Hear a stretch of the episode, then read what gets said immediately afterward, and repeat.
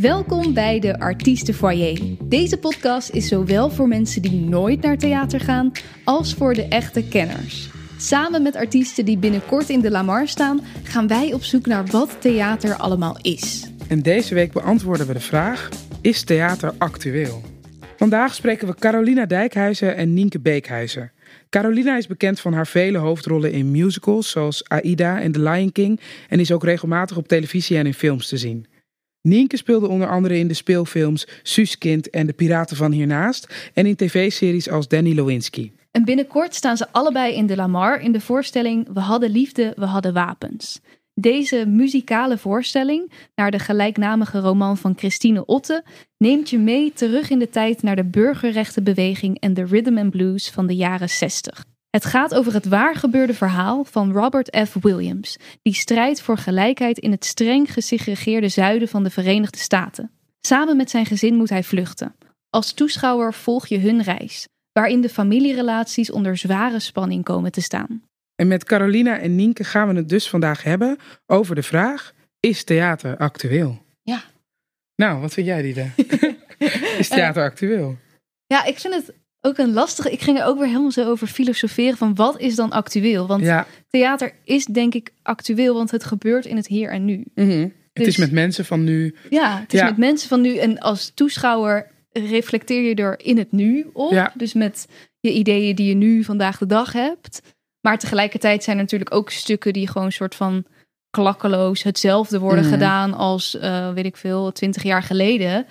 En dan mis je wel als publiek soms een verbinding met actualiteit. Ja, ik denk dat als je nu bijvoorbeeld een stuk maakt dat uit het verleden is, maar je gaat er nu mee aan de slag, neem je automatisch je referentiekader van nu mee. Dus dan Mhm. zou het denk ik wel moeten, en ik denk niet dat dat altijd gebeurt, maar het zou eigenlijk theoretisch moeten dat het dan gewoon actueel is en actueel voelt.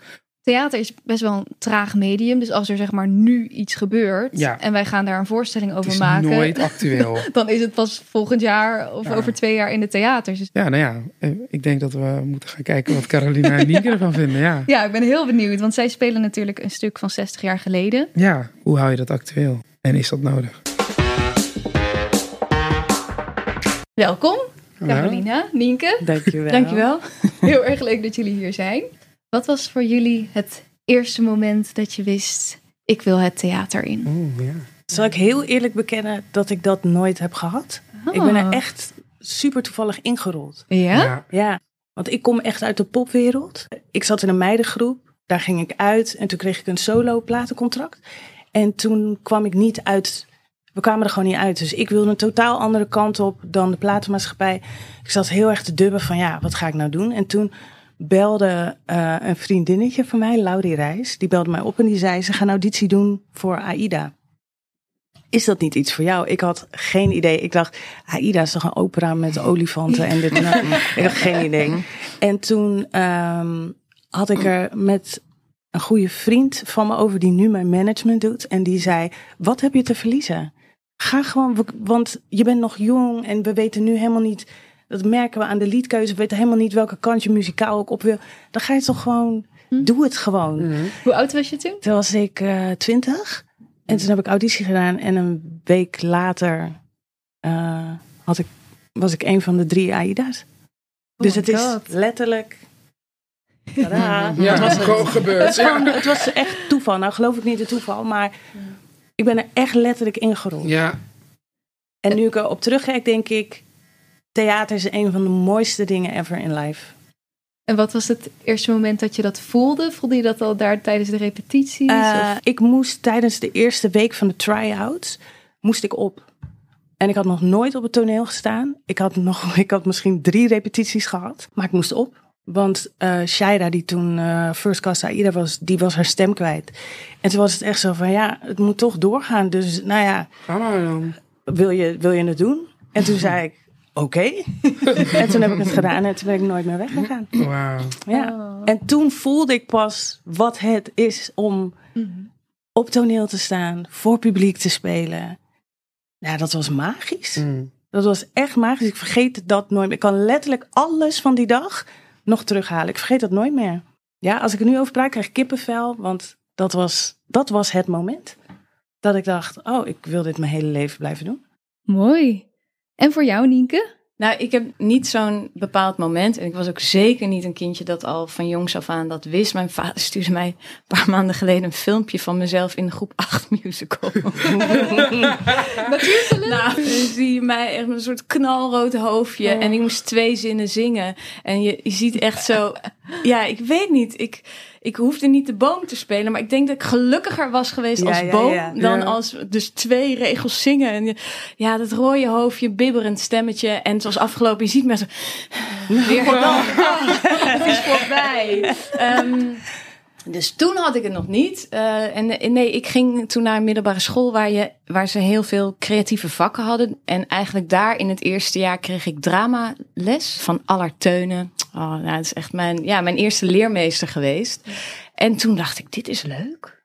Ik kan gewoon iemand anders zijn. Ik ben misschien verlegen, maar we spreken nu dus met z'n allen af dat ik de koning ben. Dat is hilarisch. ik kon daar heel erg van genieten en daar bloeide ik echt op. En toen ging het heel hard en toen was ik twee jaar later, zat ik in, op elke toneelclub in Nieuwegein. en in een bandje. En eh, ja, in Nieuwegein, ja. En diezelfde Allard Teunen, die zei uiteindelijk, misschien moet jij eens auditie gaan doen op eh, de Kleinkunstacademie. En zo geschieden. Ja, ja, ja. Maar zonder hem had ik dat nooit gedaan. Omdat ik ook niet dacht. Ik dacht, ja, acteren, dat is voor kunstenaars. Niet voor meisjes uit Nieuwegein. En, en hij had echt zoiets van, ga maar, doe maar. En ik werd ook aangenomen. Dus blijkbaar kon dat ook. Ja. Zo belangrijk dat je zo iemand hebt in je Ja. leven Ja, eigenlijk. totaal. Ja. Allard, shout-out. Ja, als je het hoort. Allard Teunen. Ja, we gaan het met jullie vandaag hebben over de vraag: is theater actueel? Vinden jullie het belangrijk dat er in theater wat je speelt, dat daar een connectie met de actualiteit in zit? Ehm, ik was Nala in The Lion King, dus ik speelde een leeuw. Nou, nou, kijk, weet je wat ik vind? Ik vind vooral dat theater entertaining moet zijn. Ik vind vooral ook dat theater een plek moet zijn waar je als publiek gaat zitten en je twee uur ehm, even aan niks anders kan denken.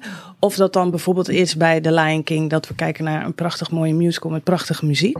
Of dat dat is naar een, een stuk over HIV of weet Ja. je, bijvoorbeeld Rand. Dus het hoeft van mij niet altijd over de actualiteit te gaan. Ik denk dat theater dat allemaal kan zijn.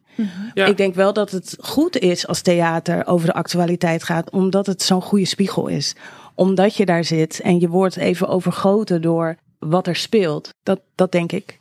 En ik, ja, dat is eigenlijk de eerste keer dat ik echt in een stuk speel wat zo'n thema heeft. Ik heb natuurlijk hele grote musicals altijd gedaan. En dat is toch veel meer entertainment. Dit is ook entertainment, maar dan op een hele andere Mm. andere manier. Maar de reden dat ik wel ben gestopt met musicals in die zin. Eh, ik ben musical pensioen, noem ik het altijd maar even. Is wel om meer van dit soort dingen te spelen. Omdat ik zelf als actrice, als Carolina, en ik ben nu ouder, wel meer behoefte had aan het vertellen van echte verhalen. Ja. Los van eh, de fantastische mooie dingen die ik heb mogen doen. Ja, en is het dan niet ook belangrijk dat, dat theater nieuw is in bijvoorbeeld wat voor cast er ook speelt? Of dat, dat het ook, bijvoorbeeld als je vertelt over ik heb The Lion King gedaan of heb veel eh, grote musicals Ja. gedaan. Dit kan natuurlijk ook voor mensen heel belangrijk zijn als representatie Oh, zeker, of iets dergelijks. zeker. Dat je juist gewoon veel verschillende mensen, Ja, steeds ja, meer verschillende mensen. Ja, ik weet nog alles bij, ziet eh, doen. ja, bij, ik begon in AIDA. En dat was dan de eerste grote hoofdrol voor een zwarte, zwarte vrouw. En ehm, je merkte ook gaandeweg aan het publiek dat er steeds meer zwarte mensen Ja. in de zaal kwamen. En bij Lion King, wat daarna kwam, hadden we zelfs het probleem dat er niet genoeg mensen waren voor de cast. Ja, Dus dat ze eigenlijk niet wisten waar ze die mensen vandaan moesten halen. Omdat er toch echt nog te weinig zwarte ja, mensen, mensen van kleur moet ik eigenlijk zeggen. Qua diversiteit, eh, van de opleidingen ook kwamen. klopt. Ja. En ik denk dat Lion King ook echt wel een keerpunt is geweest voor heel veel mensen. Bijvoorbeeld voor mij, de eerste zwarte persoon die ik op tv zag, was Gerda Havertong Ja. bij Sesamstraat. En dat was dat ik dacht, oh, dat is iemand die eruit ziet zoals ik. Als je iemand ziet die eruit ziet zoals jou op een plek waarvan jij denkt dat het eigenlijk onbereikbaar was, wordt het opeens een beschikbare optie. Mm. Van oh, maar als die persoon dat kan, dan kan ik dat ook. En ik merkte wel dat uh, de reacties die ik ook kreeg van jonge meiden en jongens, van ja, daarin kijken we toch ook wel naar jullie, want jullie doen iets wat wij ook ambiëren en waar wij nooit eerder mensen van kleur zagen. Het is wel belangrijk om uh, te laten zien ook dat we divers kunnen casten. Dat dat talent er is. En, en voor jou vind jij het belangrijk dat waar je in speelt een band heeft met actualiteit?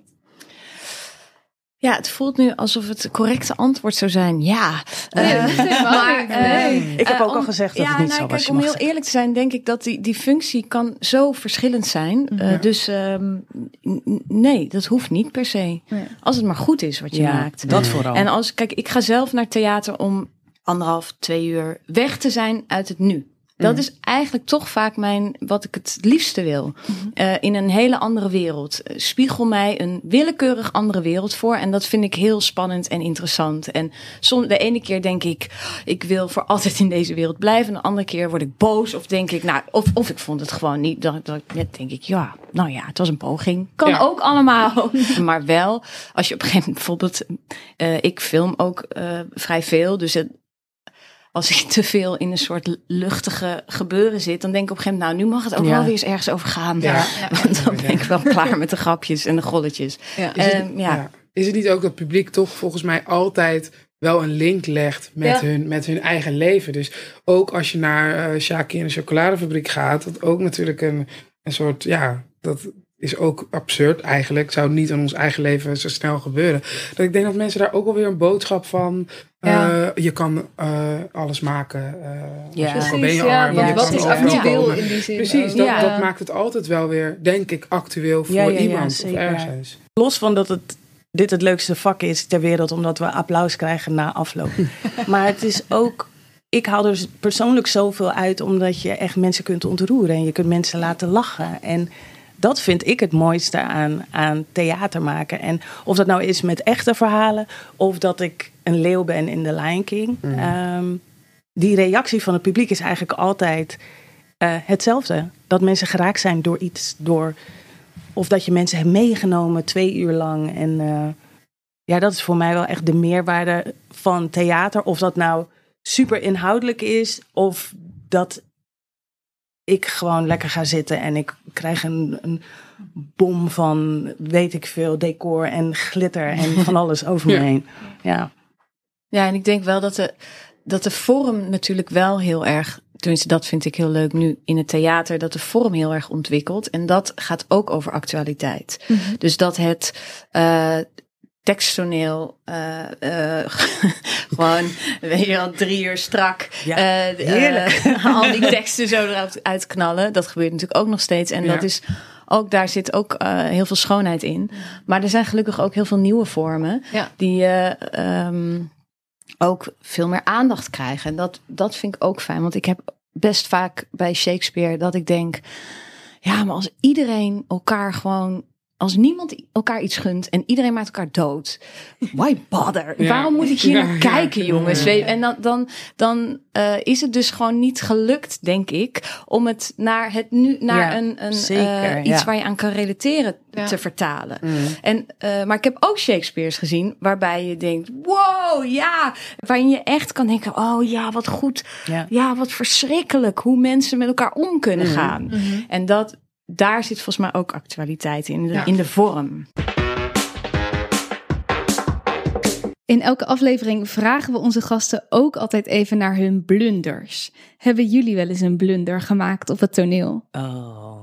Eigenlijk zijn mijn grootste blunders, als ik heel eerlijk ben, op toneel ook wel. Maar met audities oh. heb ik er echt nog veel meer. Omdat ik dan dus blijkbaar toch, ik word er steeds beter in, maar uh, toch vanuit zenuwen een soort, ja, gekke dingen ga doen.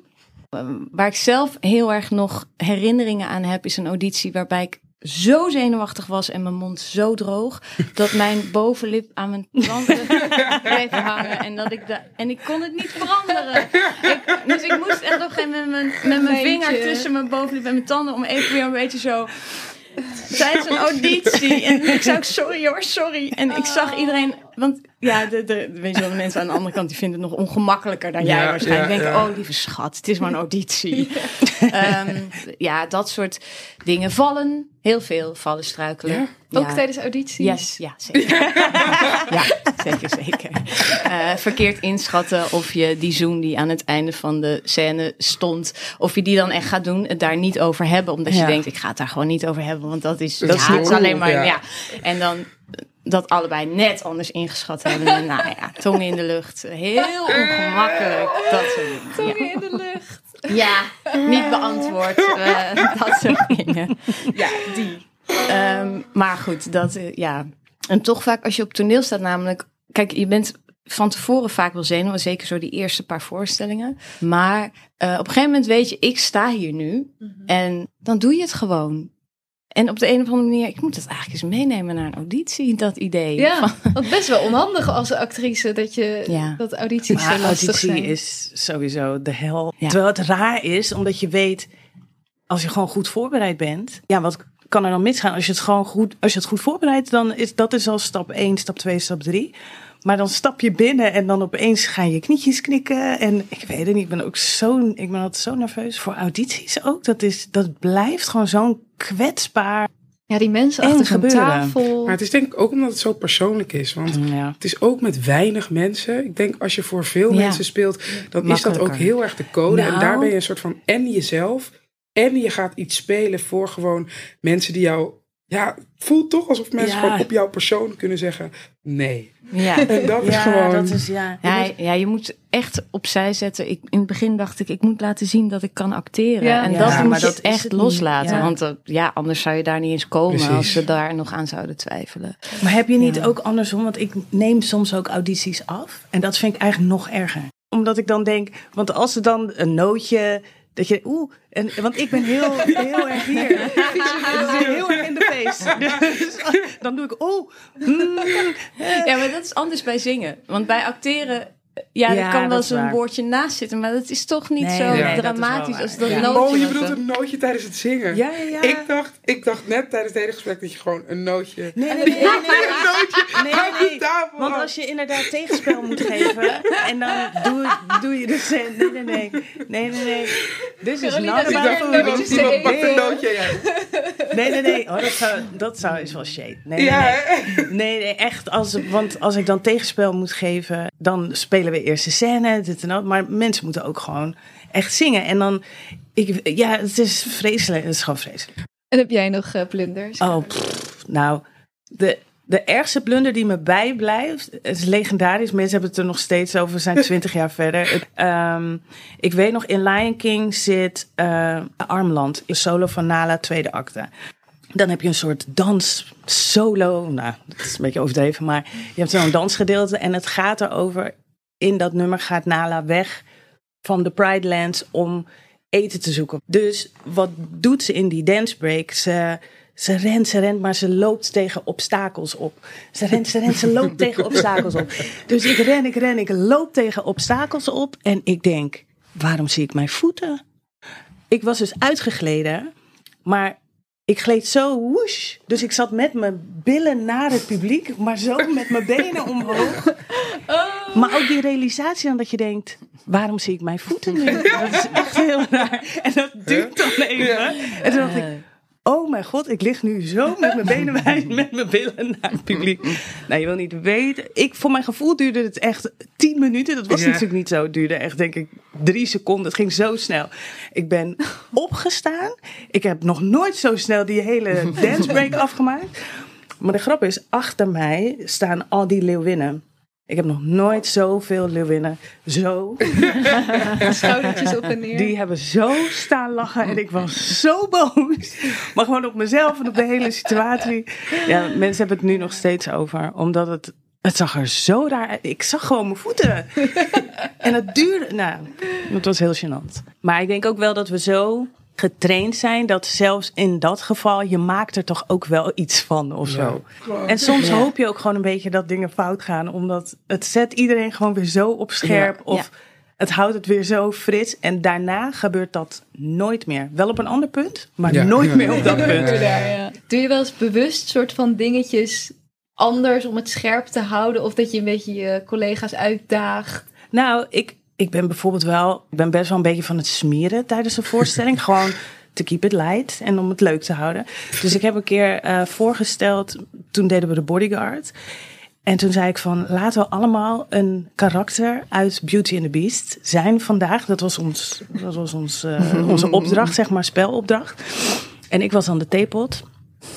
En dan moet je dus in elke scène dat we met elkaar waren, moet je dus wel dat karakter op een of andere manier naar boven laten komen. Zonder dat het publiek dat merkt of er last van heeft. Om jezelf een beetje een soort van fris te houden soms. Die Beauty and the Beast eh, voorstelling was echt de beste voorstelling ever. Hoe deed je de theepot dan? Ik stond gewoon heel vaak zo. Dus met je ene arm in je zij en je andere arm omhoog als een soort theepot. Ja, en dat, maar, dat, maar je merkt dan, als je jezelf een bepaalde, als je weer een opdracht geeft, het werd zo fris, omdat ik echt weer na ging denken over, wat is mijn tekst eigenlijk? Wat, wat zeg ik nou eigenlijk precies? En waar kan ik die dingen dan toepassen? Dus het was eigenlijk, het was echt het gek show, het was heel erg leuk. En dan over de voorstelling zelf. Eh, jullie spelen nu in een stuk over de burgerrechtenbeweging in de jaren 60 in de Verenigde Staten. Hoe maak je een stuk van 60 jaar geleden actueel? Nou, kijk, we moeten nog beginnen met repeteren. Hè? Dus Ja. dat Ja. moet gezegd worden. Dus het- is, we weten nog niet eh, of het eh, ook gaat lukken.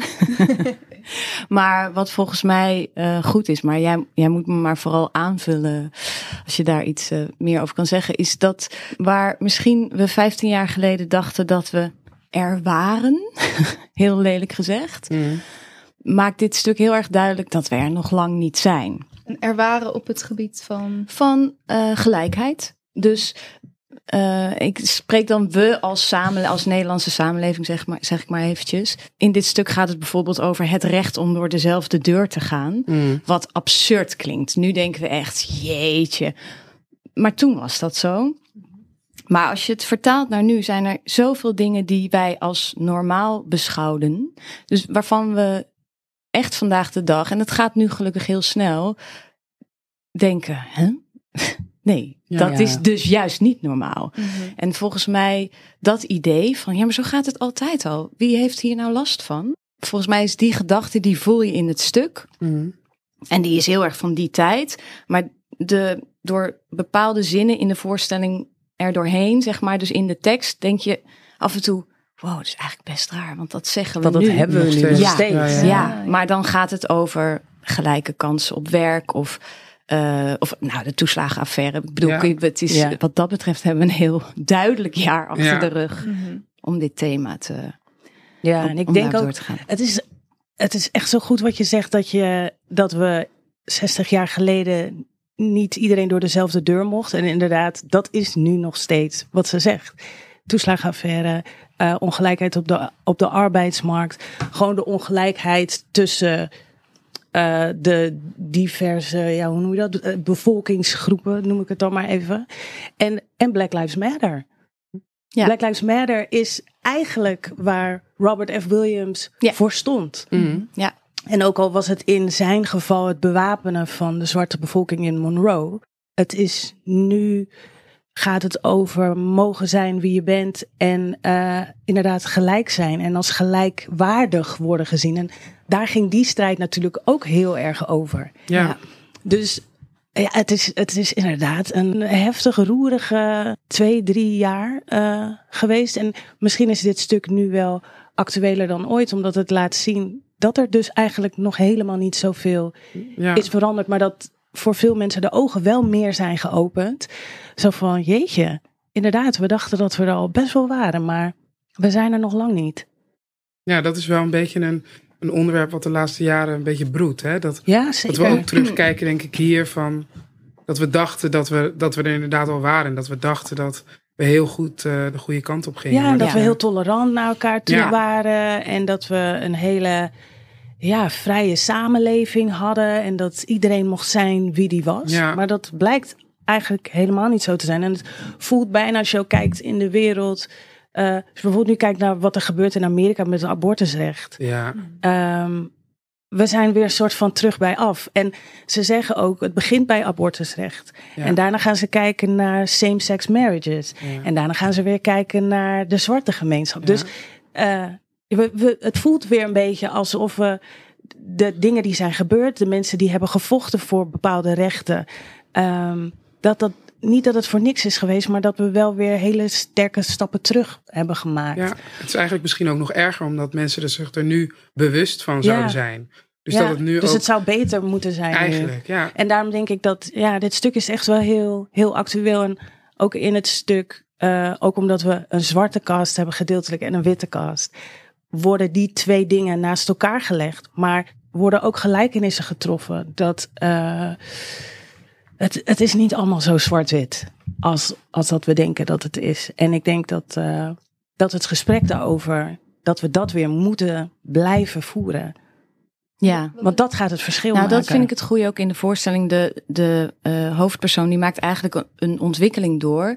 Eh, hij begint natuurlijk als voorvechter van het mogen bewapenen, jezelf mogen bewapenen om je Mhm. te beschermen als zwarte Amerikaan. Maar gaandeweg, zijn ontwikkeling is eigenlijk dat hij denkt, we komen misschien verder met misschien de pen of met het woord en met. ehm, en hij moest ergens beginnen om daaruit Ja. te komen hoor. Ja. Dus dat kon niet meteen. Want je kan zoveel schrijven, maar als je gewoon niks mag, dan moet je op een gegeven moment meer. Dat, dat is volgens mij ook zo duidelijk in die voorstelling. Maar dat vind ik voor nu zo mooi.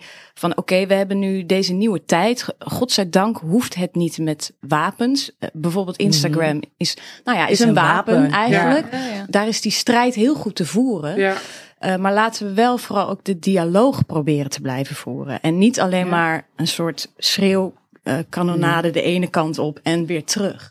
wat eigenlijk ook wel heel bijzonder is, aangezien mensen dan toch ook, zelfs als het gaat om het bewapenen van, van je leven of van veiligheid, dat je toch nog bezig bent met hoe is dat het meest effectief. Het bewapenen moet je denk ik wel echt zien in de tijd en de, pla- Ja. de plek, de plaats. Ja, dat was Eh, echt letterlijk tegen de Ku Klux Klan. Die. Ja. vroeger, eh, het wordt ook gezegd in de voorstelling, vroeger hadden zwarte mensen niet het recht over hun eigen lichaam. Mhm. Dus de witte bevolking, eh, de politie, de Ku Klux Klan, mocht doen met zwarte mensen wat ze wilden.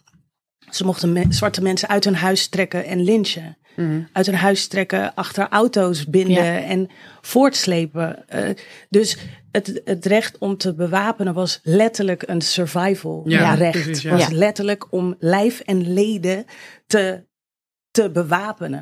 Mhm. En dat werd gezien als geweld en gewelddadig. En zwarte mensen zijn agressief en gewelddadig.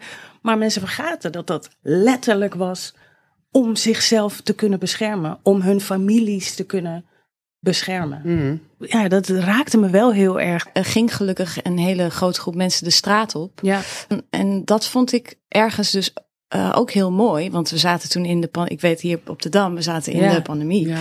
Was veel kritiek op natuurlijk ook, dat iedereen bij elkaar ging staan. Maar soms, en dat is wat in de voorstelling heel erg voelbaar is... en wat volgens mij nu nog steeds, wat weer een nieuwe golf te pakken heeft eigenlijk... is het gevoel dat je denkt, je moet je uitspreken. Niet alleen als je voor iets bent, Ja. maar ook als je, als het niet over per se over jou gaat, als je zegt ik ben, ik strijd mee, Ja. Ja. weet je, en ik keur dit en dat en dat Ja. af, en ik sta hier, omdat en ehm, Dat, dat, dat ook actief laten het horen. actief, Ja. ja. en dat en er is echt een verschil tussen Amerika en Nederland bijvoorbeeld, Ja, en daar daar ontkom je niet aan, dus daar gaan we ook niks, niet heel veel mee doen, met Nee. dat het wel echt daar was, Ja. en dat is hier anders, alleen de grote lijnen en de bewegingen zijn toch hetzelfde. Ja, en ik denk ook dat mensen, inderdaad, over die, die hele demonstratie voor Black Lives Matter toen, dat mensen ook juist door het internet en juist door alles wat je nu op tv ziet, je kunt ook nu niet meer zeggen, ik wist het niet. ja, precies. Of, oh, ik, ik had geen idee dat het zo was. Want iedereen heeft eh, George Floyd toen gezien. Iedereen heeft letterlijk, we hebben letterlijk Ja. kunnen zien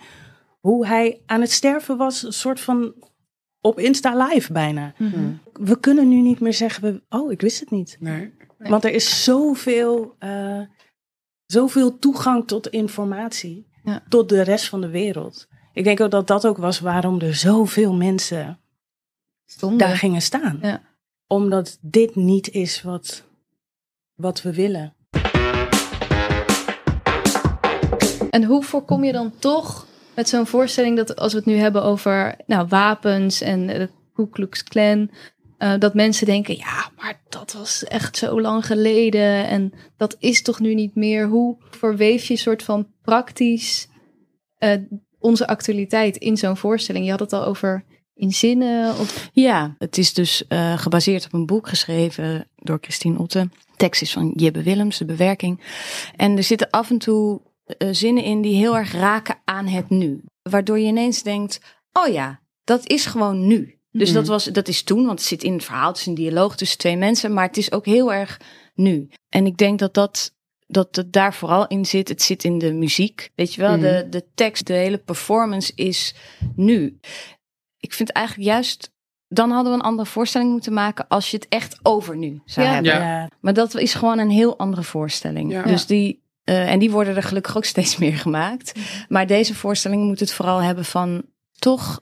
Ja, het is toch een soort spiegel. De, volgens mij werkt het in onze voorstelling als een soort spiegel. Van je ziet iets van toen en heen. Een gedeelte zie je weer spiegeld in nu. En misschien hoeft het niet zo letterlijk te zijn dat het echt nu is, maar dat het meer is dat je zelf naar huis gaat of dat je daar zit en dat je denkt dat je zelf die uh, spiegel maakt of dat je zelf gaat nadenken van hey, maar dat is.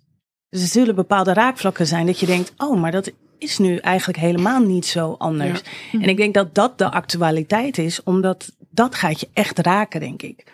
Dat het een verhaal van 60 jaar geleden is, maar dat het toch ons nu pakt op bepaalde punten, omdat je dan opeens merkt, shit, maar dit is gewoon wat we nu zien, wat we nu lezen, wat we nu hmm. horen. Ik denk dat dat ook de actualiteit is. Ook. Maar ook wat we nu hebben is daarvan afgekomen. Dus zeker. dat maakt het misschien ook automatisch actueel. Ja, En ook een soort van, toch wat altijd wordt gezegd, opdat we nooit vergeten. Dat, dat, ja, nee, maar dat ja, dingen. Ja, dat heb je er natuurlijk ook. Het zijpelt echt door. En ja, dat is een goeie, dat is een mooie, ja.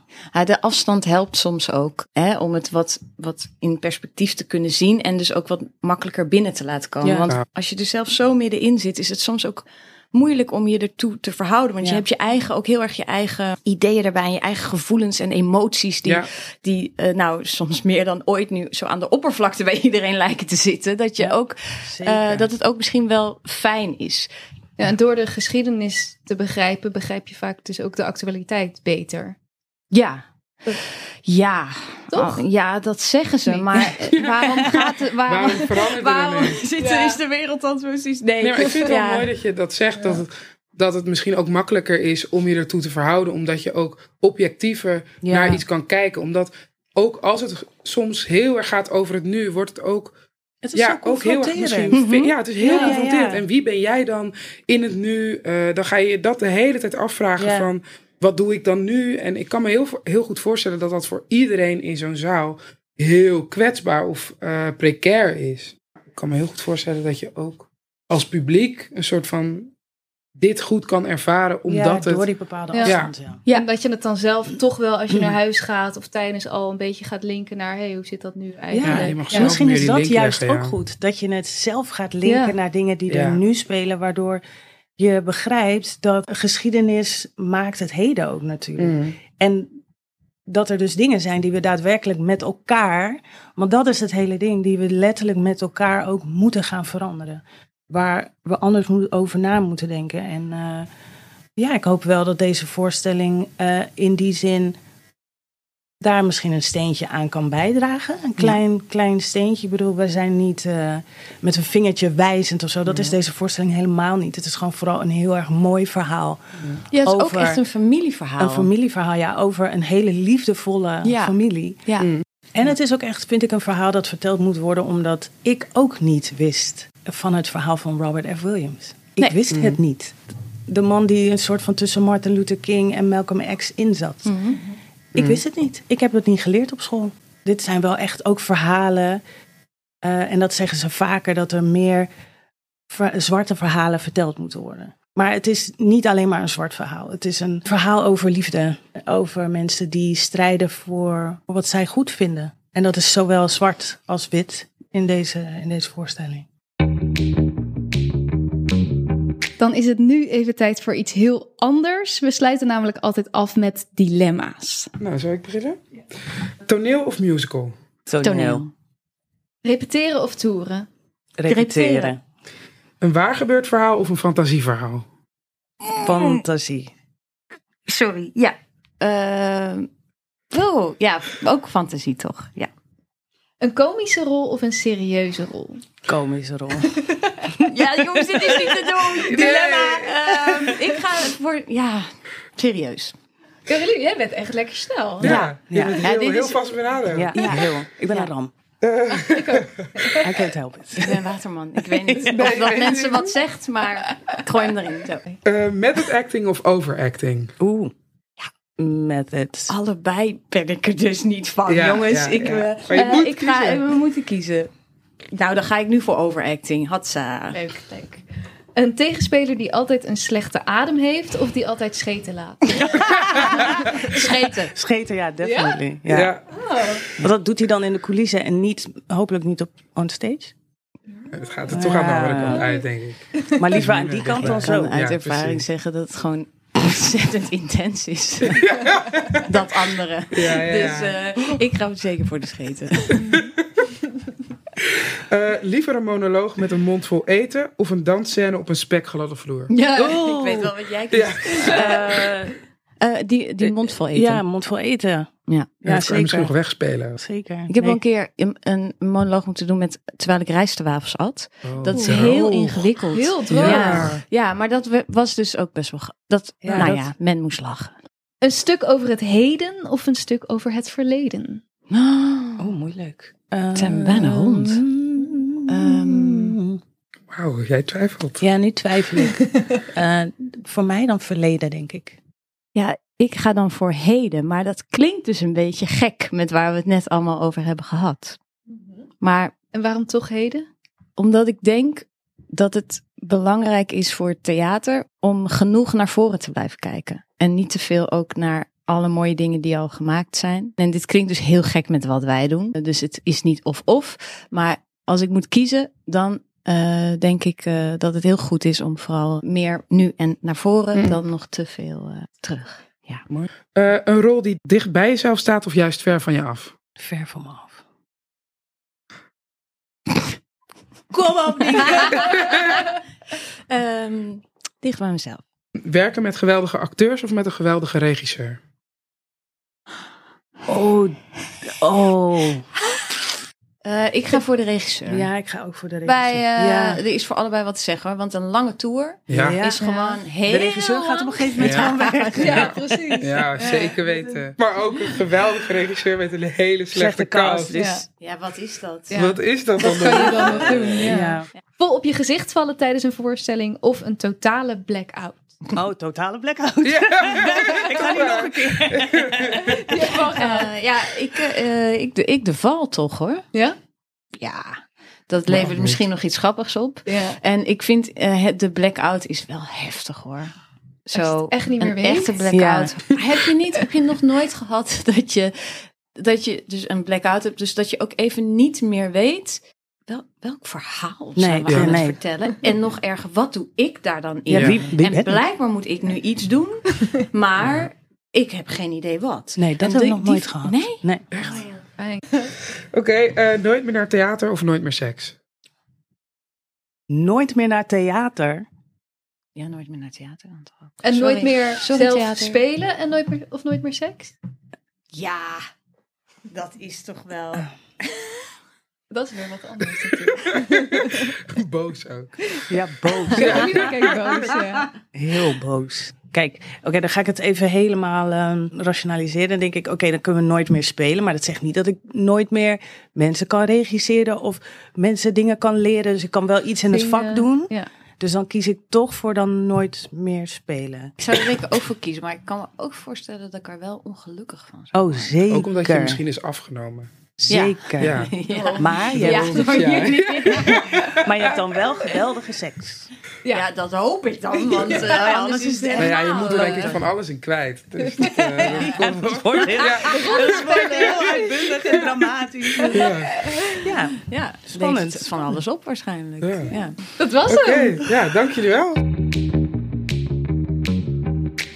Dat was hem weer. Ja, Hoe vond je het? Ja, ik vond, het, ik vond het een heel mooi gesprek. Mooi wat ze vertellen over actualiteit. Van, is, dat, is het nodig dat het echt over het nu gaat? Of kan het ook actueel zijn omdat iets van 60 jaar geleden uh, fungeert als een, een soort ja, als een spiegel voor waar we nu zijn eigenlijk? Ja, dat vond ik een heel mooi antwoord op de vraag.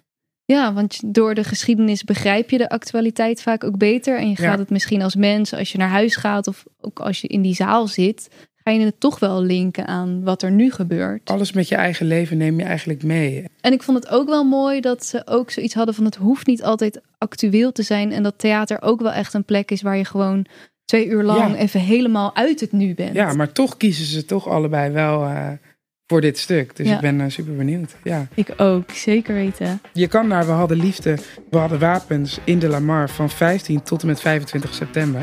En hartstikke fijn als je deze aflevering weer met iemand kan delen. Ja. Dus volg of abonneer de podcast als je niks wilt missen. En heel veel dank aan Carolina en Nienke. Ja, tot de volgende. Doei doei.